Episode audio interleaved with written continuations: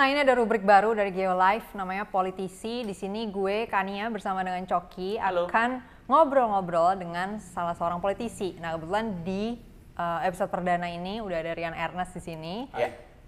Sebelum ngobrol, gue mau jelasin dikit si politisi ini konsepnya tuh ceritanya gue dan Coki bakal nanya-nanya tentang politik ke orang yang udah ada di dalam politik itu sendiri. Jadi udah jadi politisi gitu. Betul.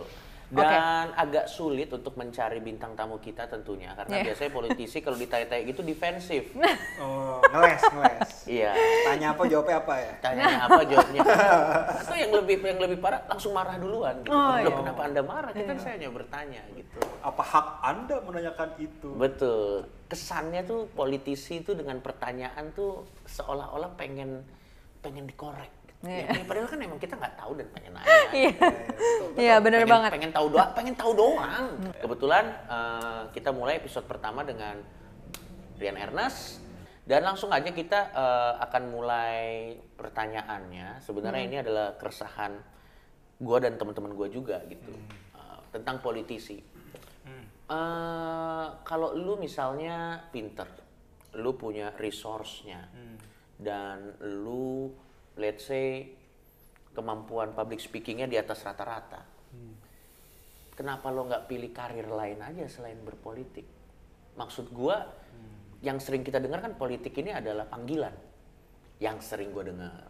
Ya, Ber- eh, menjadi politisi it's a calling. ya, ya. Yang sering gua dengar ya. Ya, ya, ya. Apakah itu benar atau tidak? Makanya ini kita, kita mau ngobrol-ngobrol Ya, ya, santai. Itu adalah panggilan. Atau bahkan jargon yang paling sering kita dengar adalah eh, kalau mau kaya jangan jadi Jangan jadi politisi. Ya. Selalu begitu. Jadi Iya. kan basically ini kan charity works, Mak. Paling kan di pikiran gua. Ya, ya. Dan banyak orang-orang pinter yang pilih ke sini. Why? Maksud gua, kenapa lo nggak pilih nggak pilih apa ya istilahnya ya? eh, jalur lain yang mungkin di jalur itu lo bisa let's say udah punya perusahaan sendiri atau mungkin lo udah bikin brand sendiri atau lo udah jadi sukses seperti nama-nama besar lainnya gitu kenapa join politik Apalagi Rian ini kan backgroundnya hukum ya, jadi Hmm, kayak you can actually be a lawyer, kayak some big lawyer gitu. I can make my own law firm. Iya, atau benar bikin benar your benar own law firm. jadi udah berapa miss opportunity yang lo tukarkan untuk Gue juga suka bertanya-tanya itu sebenarnya ngapain ya. dan is it worth it kita, kita jujur kita nggak kaya. Iya, kita makan hati. Terus ngapain kita di, di skena ini gitu? Ngerti nggak Iya, maksud iya, gua? iya. alasan gua masuk politik padahal mungkin bisa melakukan yang lain. Hmm. meskipun ini boring ya. Iya. emang panggilan. Oh ya? Seklise itu sebenarnya. Hmm. Eh, m- agak mirip ini loh bos. Karena kerjaan ini tuh outcome itu abstrak. Dalam konteksnya gimana karena Abstrak. gini misalnya lo bikin startup kayak bikin startup apa gitu kan jelas nih oke gue pengen bikin outcome-nya ini tahun sekian gue mau dapat usernya sekian segala macam cara menuju sana bla bla bla bla bla Oke. lebih kelihatan Oke. dan dalam konteks startup yang mungkin mostly sektor swasta kan pasti for profit enak dong jadi lu capek-capek tujuannya jelas dan lu bayangan dapat benefitnya jelas Hmm. politik itu sejago-jago lu bikin outcome mapping banyak banget faktor X, Y, Z, bla bla bla bla yang membuat lu bisa jadi nggak dapet dan pada akhirnya juga bukan bikin lu tambah kaya. ya Begitu Oke. gua lihat masalah di publik Hmm. dan gua suarakan orang merasa relate, gua happy apalagi kalau gue bisa dapat kekuasaan, power untuk ngubah itu. Ah itu tuh ada kayak gitunya bos. Oh, Jadi memang oke. ada abstrak yang jujur nggak kelihatan dan banyak faktor X ya pak. nih gua gua ada pertanyaan menarik ya lo pernah nggak ada di satu momen di dalam karir politik lu lo tiba-tiba mikir anjir ngapain gue di sini ya Sering. what the hell am I doing gitu ya kalau lihat di memes memes tuh gitu ya. Iya, iya. Itu Sering. manusiawi ya gue masih bergumul tiap ya nggak tiap hari maksudnya gue sering kok udah nggak terhitung kadang-kadang kayak Ah. shit eh, jalan politik nggak gampang ya dan Iya. jujur kadang-kadang ya kayak ups and downs lah kadang-kadang kok optimis banget tapi Hmm. kalau misalnya bertubi-tubi ada peristiwa ini ini ini di politik Indonesia ya ya. down lagi ada gue ada banget. Hmm. ada ups and downs. Jadi gue nggak mungkin sugarcoat bicara di konten ini bahwa selalu baik. Nggak kadang-kadang ups and downs bos. Hmm. lo kan, lo kan sempat berarti kan eh, lo kan sempat jadi lawyer berapa lama lima tahun lah. Oke. Bahkan gaji terakhir gue tuh bentuknya dolar. Tapi dari seorang lawyer sampai akhirnya lo menemukan calling itu, Heeh. itu dari dulu ada di lu atau ada sebuah titik balik yang akhirnya ternyata lu dari dulu udah punya, lu merasa punya calling itu. Iya. Tapi gue masih belum ngerti juga sih nih bagian Ya, callingnya emang ini nih, sendiri. Kenapa kenapa dia men Karena dari tadi mikir lama gue tahu nih. Ini kalau mikir lama, ini pasti memojokkan kita dengan pertanyaan yang lebih tajam dari Najwa Shihab. Oke kalau gitu silakan Kania dulu nanti baru gua. Silakan, silakan Ya, lu dulu. sedikit ya nih. Jadi kan tadi kan uh, jawaban jawaban lo kan gini kan tadi waktu si Coki naik kenapa milih politik kan karena panggilan ya. Iya. Nah cuman yang gue belum dapet nih Iya. panggilan di sini maksudnya panggilan untuk apa nih? Kan politik ini ada banyak bagian ya. Apakah Oh, iya, lo iya. tuh dapet panggilan untuk menjadi leader atau lo pengen uh, mengubah sesuatu? oke, what, what is your Oke. calling di sini gitu konkretnya kayak? Dan don't get me wrong, kita appreciate orang-orang yang memang mengambil jalur ini. Iya, betul. Karena kita nggak mau. Karena lu aja. iya, dan, dan kita mencoba untuk memahami why. Gue tuh dari kecil itu ya meskipun gak langganan komik, Iya. gue tuh selalu amazed dengan superhero. Oh wow. Kayak wah keren superhero gitu. Ada gitu bertahun-tahun gue baca, jadi gue agak tercuci otak gitu. Hmm. Bantu orang, bantu orang, bantu orang. Oke. Jadi dari kecil tuh rasa membantu orang itu ada. Oke. Dia bermula cuma dari ngefans sama Batman. Agak simplistik tapi it is what it is. Hmm, It is what Tapi berarti akarnya banget intinya lo terdorong untuk membantu orang lah ya. Iya bantu orang. Hmm. Membantu orang, tapi kan gue tahu nih akar persoalan kita bukan cuma simple. Sistem kita rusak menurut gue. Oke. Sistem hukum lah, sistem administrasi kependudukan lah, Ya. sistem BPJS-nya juga buset fraudnya banyak. Jadi banyak banget yang bisa dibenahin. Nah menurut gua simpul perubahannya itu politik. Tapi menuju ke sana memang wak wak wow susah. Kalau gue sama Coki kayak rada mundur dikit nih ya. Ini sistem. Nah di belakang sistemnya ada apa? Penalaran yang rusak. Karena karena makin ke sini makin gak mudah. Menurut gue ya, makin makin berasa nih sistem politik kita tuh nggak ramah di pendatang baru, nggak ramah di orang outsider. Hmm. Buat political outsider ya. Ya. Lebih ramah ke orang yang lebih orang lama. Dalam Oke. konteks jaringan lama, Udah, kah, persepsi lama, kah, budaya lama, atau penalaran cara lama gitu ya, makin nggak mudah main ke sini. Ada gitunya. Apa karena eh, ketakutan untuk evolve atau memang ketakutan untuk ya karena takut aja kalau ada orang baru dengan pemikiran yang mungkin seperti lu akan merusak ekosistem yang udah terbangun. Ada gitunya. Status quo tuh terganggu. Hmm. pemahaman Ya, gua elit politik senangnya status quo karena dengan status quo sekarang elit politik ini kan lebih enak lebih nyaman gitu Oke, sepinter-pinternya lo memberikan opsi alternatif solusi, selama kita bukan pemegang keputusan, Iya. it, it means nothing. Iya, It's nothing, iya, bos. emang. masuk laci masuk laci dan gua sering mendengar melihat Itu menarik cerita tuh. orang tuh masuk laci Masuk laci. Jadi kalau misalnya ada yang bertanya, misalnya ada yang bertanya, apa solusi banjir Jakarta? Ada di laci. mungkin, mungkin Iya. kita nggak tahu. Udah mungkin ada di kali itu ya, laci. somewhere mungkin ya. ada di laci, somewhere in di perpustakaan yang banyak itu mungkin ada di situ. Tapi kan balik lagi ya kalau pemegang keputusannya. Oh jadi itu yang lo skopnya yang itu harus. karena menurut gua setirnya tuh menjadi penting Tapi jujur cok gue di circle gue ya, maksudnya gue ngelihat eh, banyak nih udah kelihatan solusi-solusi untuk banyak masalah ya. Ya. Bahkan belum nyampe laci, mereka nggak mau masuk ke politik.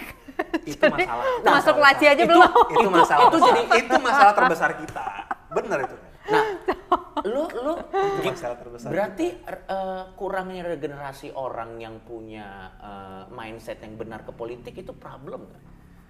Iya, karena skala ya kayak lo bikin bisnis kan untuk bikin grow startup lo butuh skala yang tepat kan. Karena kalau skala lo terlalu mikroskopik terus ya lo Nggak- nggak pecah. Heeh. Nah bener yang Kania bilang, banyak orang yang udah dapat panggilan sebenarnya sedikit-sedikit, tapi kadang masih terlalu berhitung dan memang wajar orang berhitung. Iya sih. iya. Peluang gue bagaimana, probability gue gimana? Wah, ekosistem politik kita, wah, wah, wow, susah deh. Tapi kalau kita semua mikirnya kayak gitu, nggak berubah-berubah. Betul. Ya terus juga ada yang disebut dengan nirvana fallacy gitu ya. Tuh yang Jadi jadi Dia punya dia punya terms yang kita nggak tahu tapi ada. tapi ini emang ada. Nah, Ya untuk memang gue mempersingkat tidak gue tidak me- menyerang keadaan atau pasti ada yang lo bilang itu pasti kita kita nggak tahu kita nggak tahu aja kan emang lo pinter aja. Liganya agak beda aja. Iya, Liga Nah, agak nirvana sama. fallacy ini, ini penting banget nih menurut gue nih salah satu akar masalah nih di politik nih. Jadi Ah. Jadi lo pernah dengar gak sih misalnya orang mengkritik suatu kondisi ya, misalnya Ya. kayak misalnya banjir Jakarta, jangan diginiin lah, harusnya diginiin gitu misalnya. Tapi yang harusnya ini tuh bukan opsi yang visible gitu, bukan opsi yang bisa di, bisa Oke, dilakukan. iya, iya, iya, iya. Nah, Baru- baru- akhirnya mereka tuh nggak mau choose less than ideal gitu. Padahal the ideal is not there gitu di dalam realitas yang kita hadepin. Hmm. Nah, itu nirvana fallacy. Jadinya nih, dia misalnya gini, lo kan kalau mau ke politik, ya you have to deal with imperfection gitu loh di dalam politik itu gitu. Kayak lo Oke. lo lo nggak bisa kayak misalnya, oh ya gue harus suci, I have to be holy, I cannot do this gitu misalnya. Padahal ya it's inherent di dalam sistemnya itu Iya. ada. Lo the only way lo nge-break itu adalah you have to come there first gitu Betul. kan. Lo harus masuk dulu ke situ and then baru bisa benerin itu. Betul. Nah, tapi akhirnya yang terjadi kayak ya udah gue akhirnya di luar aja. Nah, padahal kayak yang lo bilang tadi, kalau misalnya dia nggak megang setirnya, ya there's you know, there's nothing ya. udah nggak ada lagi. Lu pernah There's ada not gonna happen aja. Lu pernah nggak ada di situasi meyakinkan orang-orang brilian anak muda di luar sana untuk masuk ke ranah ini karena kita kekurangan orang-orang sebrilian itu untuk di politik. Pernah nggak ada di momen itu? Sering dan susah. Dan susah. Contohnya, Con- con- conversion rate-nya susah gitu sebenarnya. tahu nanti contohnya Coki. Conversion rate-nya susah. Nggak, kalau gua kalau gua uh, let me say this. ya, Gua sadar dengan kelemahan diri gua. Oke, Gue cenderung akan ada menjadi orang yang abuse of power. oke. Misalnya contoh, hmm, mungkin gue bisa ya dengan gamblang mengkritik orang yang melakukan korupsi di luar sana. Tapi ya, gue tidak membenarkan. Tolong ini saya tidak membenarkan. Tapi kalau ada bermiliar-miliar lewat depan mata gue, apakah gue punya cukup integritas untuk say no? Gue tidak berani menaruh diri gue ada di godaan sebesar itu. Ya, ya. Karena gue tahu kapasitas gue. Bukan pesimis, tapi memang dulu saya nakal aja gitu. Ya, sadar diri mawas diri Saya lah. mau sendiri dan gua akan support orang-orang yang memang gua tahu punya integritas untuk ada di sana. Jadi daripada you don't need another joker lah. And, and you are a good one. Joker dalam konteks Iya betul. Joker sebagai komedian. Ah, gua gua gua, gua oke. Kalau kalau gua ditaruh kalau gua ditaruh kalau gua ditaruh di satu pengambil keputusan apa segala macam. Kerjaan gua naruh-naruh ide lo di laci tadi. gua takut jadi orang yang kayak gitu dan mendingan uh, da, gua nggak tahu mungkin kita bisa diskusi soal ini. Lu mencoba langsung ke akar permasalahannya Iya. si pengambil keputusan. Iya. Kalau gua dan Kania mungkin kita lebih ke arah nalar sebenarnya orangnya ya, gitu lebih ya. ke akarnya lagi sih sebenarnya kan gini Hmm. sistem ini kan dibangun oleh orang ya pada Ya, ujung-ujungnya ya. ya. demokrasi dibangun oleh orang Mm-mm. ya kalau gue ngeliatnya gini misalnya gue support orang nih yang gue tahu bagus nih untuk jadi politisi dia juga nggak bakal bisa dapet dukungan anyway kalau belum ada di tune yang sama kan maksud lo kan, Iya. belum ada satu frekuensi yang sama kan. dan publik yang ada nggak bisa support dia gitu nggak bakal bisa comprehend idenya juga Ya, iya. Benar. Poin-poinnya Kani adalah mencoba Good one mem- sih. memperbaiki demand side-nya. iya Betul, demand side-nya nah Demand side-nya. Karena masalah politik sekarang dalam experience gua 3 4 tahun politik praktis. Kenapa Indonesia ini kita lihat OTT lagi, OTT lagi, OTT. Iya. Karena isu supply demand. Hmm. Demand dari warga dalam konteks electoral cycle lima tahun sekali merasa oh ini tahun politik, ini tahun gue dapet duit. Hmm. duit lima puluh ribu kayak minyak goreng kayak beras ada demand side nggak semua Ya. tapi ada lah Oke. sama-sama tahu kok Oke. demand side ini ada ketemulah supply side Ya. pengusaha yang nggak semua tentunya tapi Ya. banyak Ada. orang yang mau mencari konsesi mencari izin mencari benefit di Hmm. sistem politik Ya. nggak usah bicara publik nih nggak usah bicara policy making pokoknya gue mau dapat posisi koneksi cuan Oke. Hmm. ini bahaya supply demand dan udah terjadi sekian lama. Ya, ya, ini jadi kalau mau di break duluan paling enak demand side itu dulu ya yang Kania sama teman-teman coba demand side dibenerin biar lebih cerdas, Hmm. lebih bisa memastikan supply side ini akhirnya makin turun. Kalau semua orang nih sepakat demand side nggak mau lagi lah politik uang Hmm. atau justru ambil uangnya tapi justru jangan pilih yang ngasih uang kan Ya. akhirnya orang jadi satu election cycle, dua election cycle, akhirnya mereka kapok kan. Supply side itu jadi agak menurun. Ini, ini PR panjang sebenarnya, Dan- pertempuran iya. panjang sebenarnya. Dan kalau soal kayak politik uang atau eh, ya tendensi tuh untuk untuk korupsi secara materi itu juga gue sih ngeliatnya eh, ya it's a culture. Karena menurut gue ini Iya, akar betul, banget sih di bagian itu ya. Maksudnya untuk yang Iya. mengejar eh, shortcut to wealth gitu. ya. Heeh, yang kayak tadi misalnya ya gue gue pengen anak gue mau beli apa barang apa jadinya akhirnya nerima duit duit buat eh, pemilu segala macam gitu. Kayak eh, jujur aja kalau misalnya kita bicara tentang eh, bagaimana negara menyediakan welfare gitu kesejahteraan ya kalau misalnya culture-nya masih pengen tajir-tajirnya sih nggak bakal cukup berapapun itu welfare yang kita sediain Oke, ya welfare fund yang oke, kita sediain gitu loh. oke. jadi menurut gue uh, mindsetnya juga harus berubah gitu di Betul. situnya gitu. That's why uh, gue termasuk keras banget sih ngeritik yang soal kayak gituan Oke, gitu. oke. Eh, gua kita biar Pilih kan ya. Coki pilih Sayangnya ya. saya- Pilih deh. Eh, tapi dia Jangan, bilang dia nggak yakin. Jangan, jangan pilih gua, pilih dia aja. Kalau nggak pilih, Eh. pilih, pilih Ernest aja. Anyway, eh, kita nggak mau Iya, terdengar terlalu gloomy juga karena kan eh, fungsi konten ini adalah supaya ngerti dengan tanpa sugar coating apa sih sebenarnya yang dirasakan oleh politisi. Iya. Tapi gua mau Tapi tanya- bukannya si Hope juga gitu ya? Iya, tapi kita juga mau, jangan abis ini, oh berarti betul. Ya udah, gua nggak usah jadi Saya politisi. tidak masuk politisi, malah gitu nanti. Jangan, nanti tugas dia makin berat. Tapi Iya. gua mau tanya, bisa nggak kita sejahtera menjadi seorang politisi tanpa korupsi? Sangat bisa. eh, Karena hampir jarang lo sejahtera jadi politisi, tapi tidak korupsi. Itu bisa, doable itu. menurut gue Lagian sejahteranya level apa kali ya? itulah. Jadi sebenarnya itu. Kalau semua, semua itu kembali ke lifestyle kali ya. lu mau segede Budi Hartono sih nggak bisa bos. Aduh lucu Iya. bener. Maya. Ada Itu gitunya sih. standar Iya, sejahteranya. iya, iya, Makanya iya, kalau gue sih emang benar-benar emang nge-break konsep sejahteranya itu sendiri menurut gue ya justru kita ngejar itu in the first place ini yang bikin rusak di sistem ya. Karena emang resource-nya tuh nggak sebenarnya nggak nyampe buat segitu. Oke, sejahtera. Se- secukupnya menurut Iya. secukupnya dan definisi secukup kan luas ya tapi ya gue yakin deh orang yang gila materi pun begitu kita kasih brainwash kayak secukupnya secukupnya secukupnya dia akan ngerti. Iya deh gue hari ini makan bisa dapet Hmm. anak gue sekolah Anak-anak aman, ah, aman. paling nggak mobil buat commuting aman gue punya rumah yang nyaman cukup kan? Lo nggak perlu bikin rumah satu island komplek lo beli semua kan? Betul, atau mobil oke lah mobil betul. anggaplah lu punya anak dua Betul. istri suami ya udah sementok-mentoknya lu Betul. beli mobil tiga deh. Betul. lu istri lu anak lu dua buat sekolah Betul. nggak mesti 20 kan Betul, seperti betul. uh, Ya, orang ya, kaya orang yang- kaya crazy rich lainnya. betul sekarang karena sekarang tren tren crazy rich tuh lagi lagi la- gua nggak tahu ya di Indonesia terutama tren crazy rich kota apa tren crazy rich kota apa. Gue tidak mengkritik kekayaan ya kalau memang itu kerja keras ya silakan you deserve it gitu. cuman maksud gue tren-tren seperti ini juga ada ada efek samping yang harus kita perhatikan juga gitu. Dan ini sih cok jujur aja nih kalau gue sebenarnya bahkan ngelihat pada level uh, kita ngalokasiin sumber daya ya kadang-kadang tuh jadi nggak efisien gitu loh. Nah kalau yang sekarang terjadi jadi kayak uh, kita semua mau menciptakan kenyamanan kita masing-masing. Nah kebutuhan untuk bisa nyaman itu akhirnya jadi gede kan gara-gara di ruang publiknya nggak nyaman gitu. Iya, iya, kan iya. sebenarnya itu kan.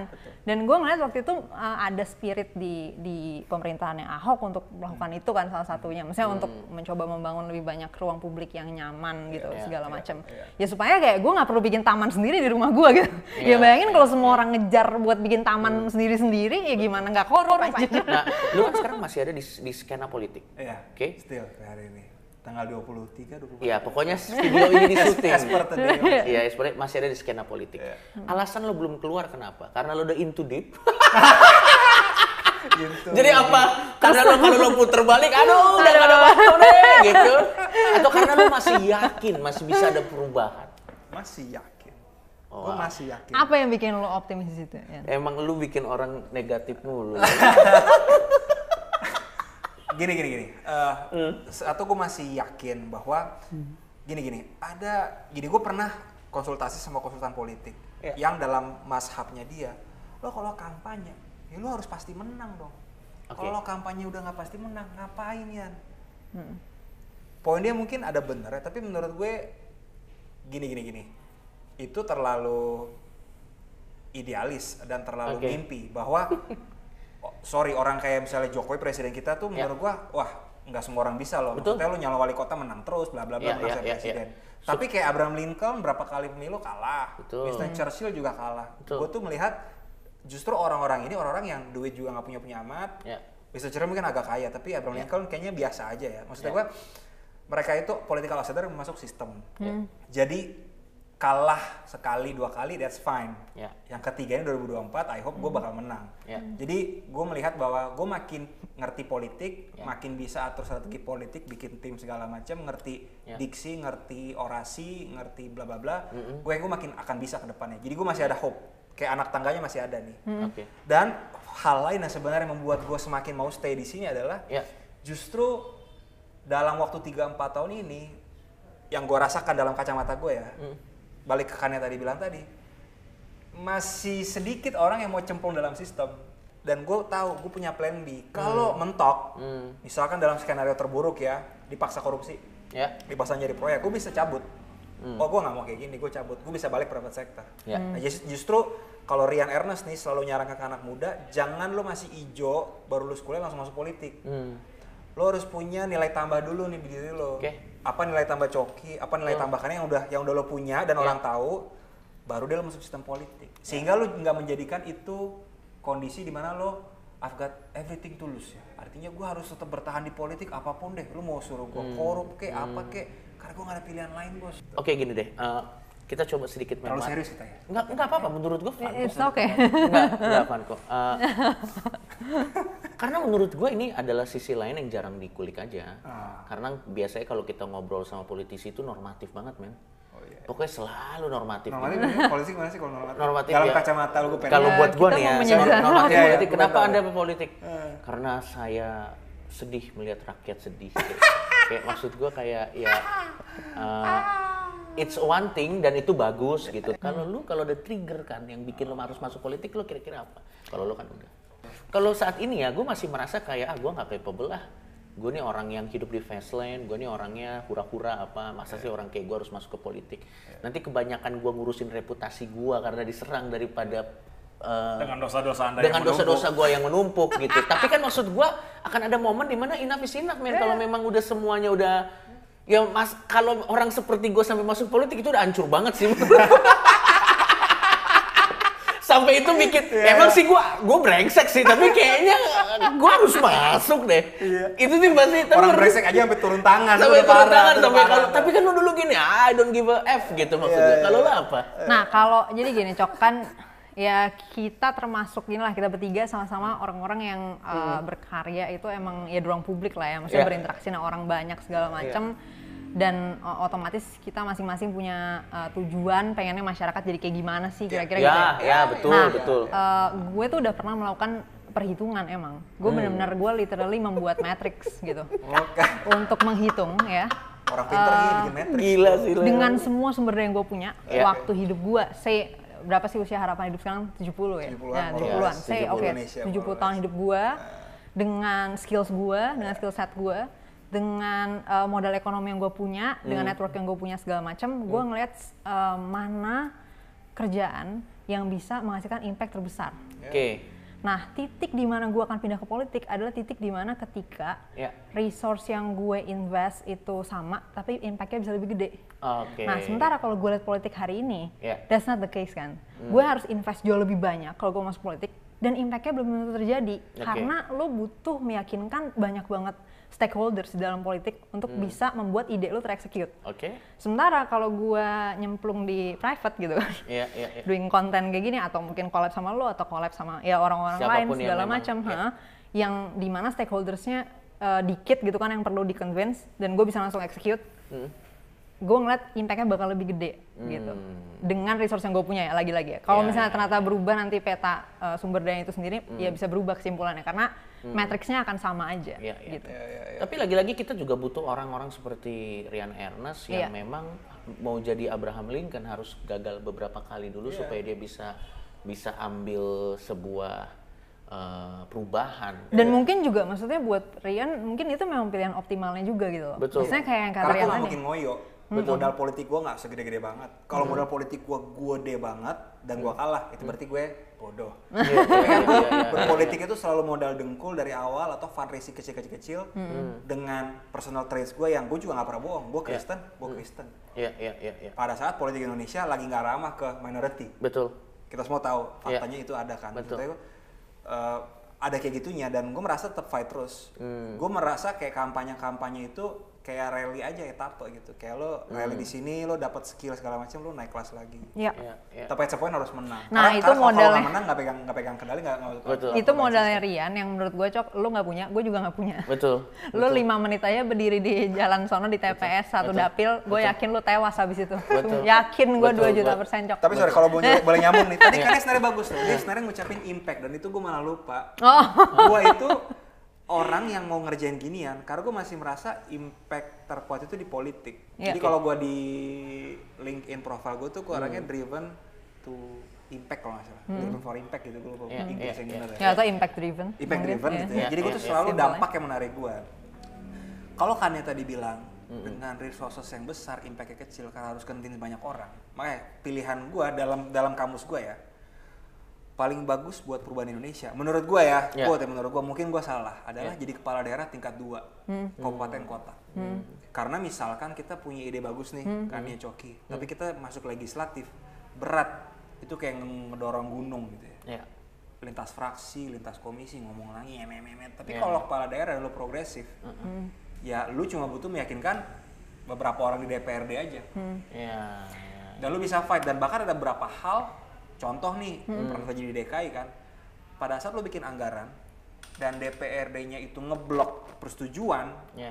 apa pun alasannya ya, kalau positif thinking ya mungkin Iya. emang emang lagi nggak suka aja. Iya. Kalau alasan jelek mungkin Oh itu udah positive thinking gitu. Eh, iya. positif thinking Positive thinkingnya agak, agak tidak terlalu positif. ya nggak apa-apa, mungkin itu kan udah udah benefit of the doubt tertinggi yang bisa kita berikan. Iya, ya nggak apa-apa, Jadi kalau udah udah deadlock gitu pun kepala daerah yang progresif bisa pakai anggaran dengan pagu anggaran tahun lalu. Jadi sebenarnya kalau lo progresif banget dan lo jadi kepala daerah, bupati atau wali kota, lo bisa banget bikin perubahan. Dan dalam konteks desentralisasi Indonesia hari ini Ya.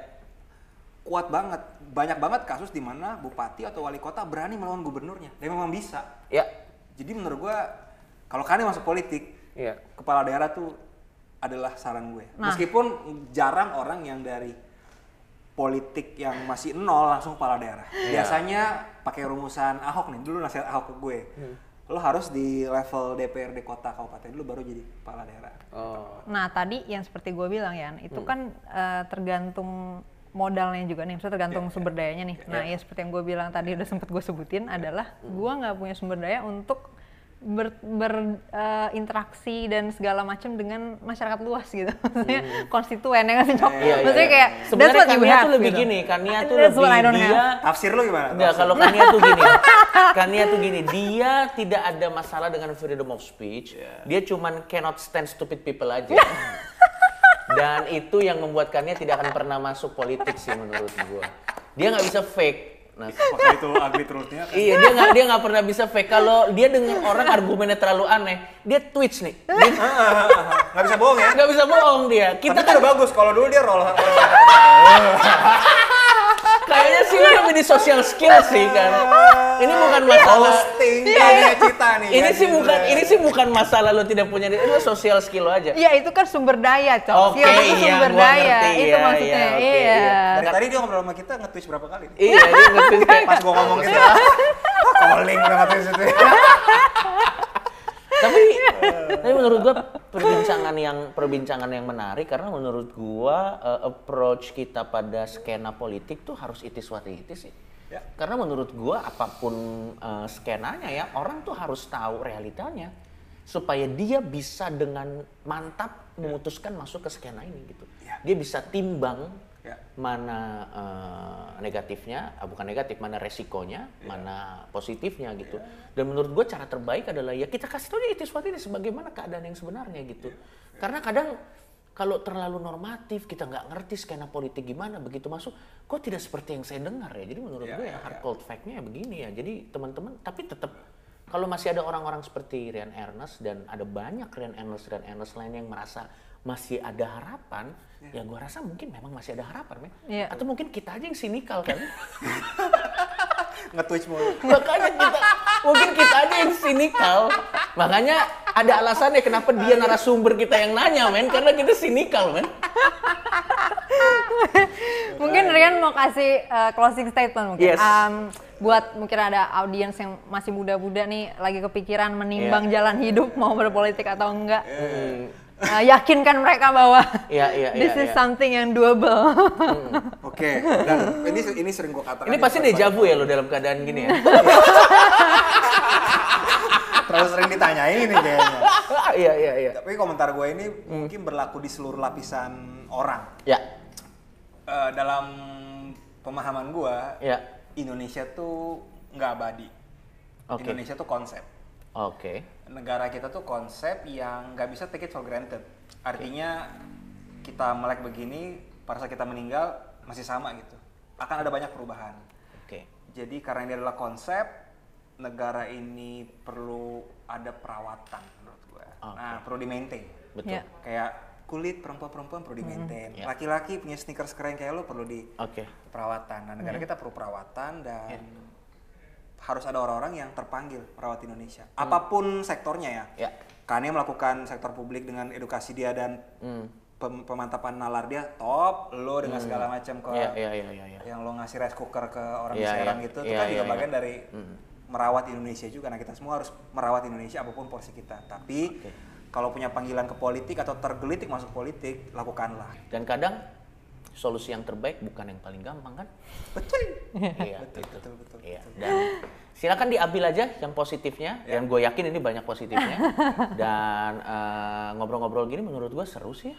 Menurut gue seru. eh, jadi eh, masih akan ada beberapa, masih akan ada banyak episode ke Iya. depan ya. Kita akan panggil narasumber-narasumber, tapi tentunya dari teman-teman kita dulu. Oke, thank you udah nonton. Sampai ketemu di episode uh, politisi berikutnya. ya,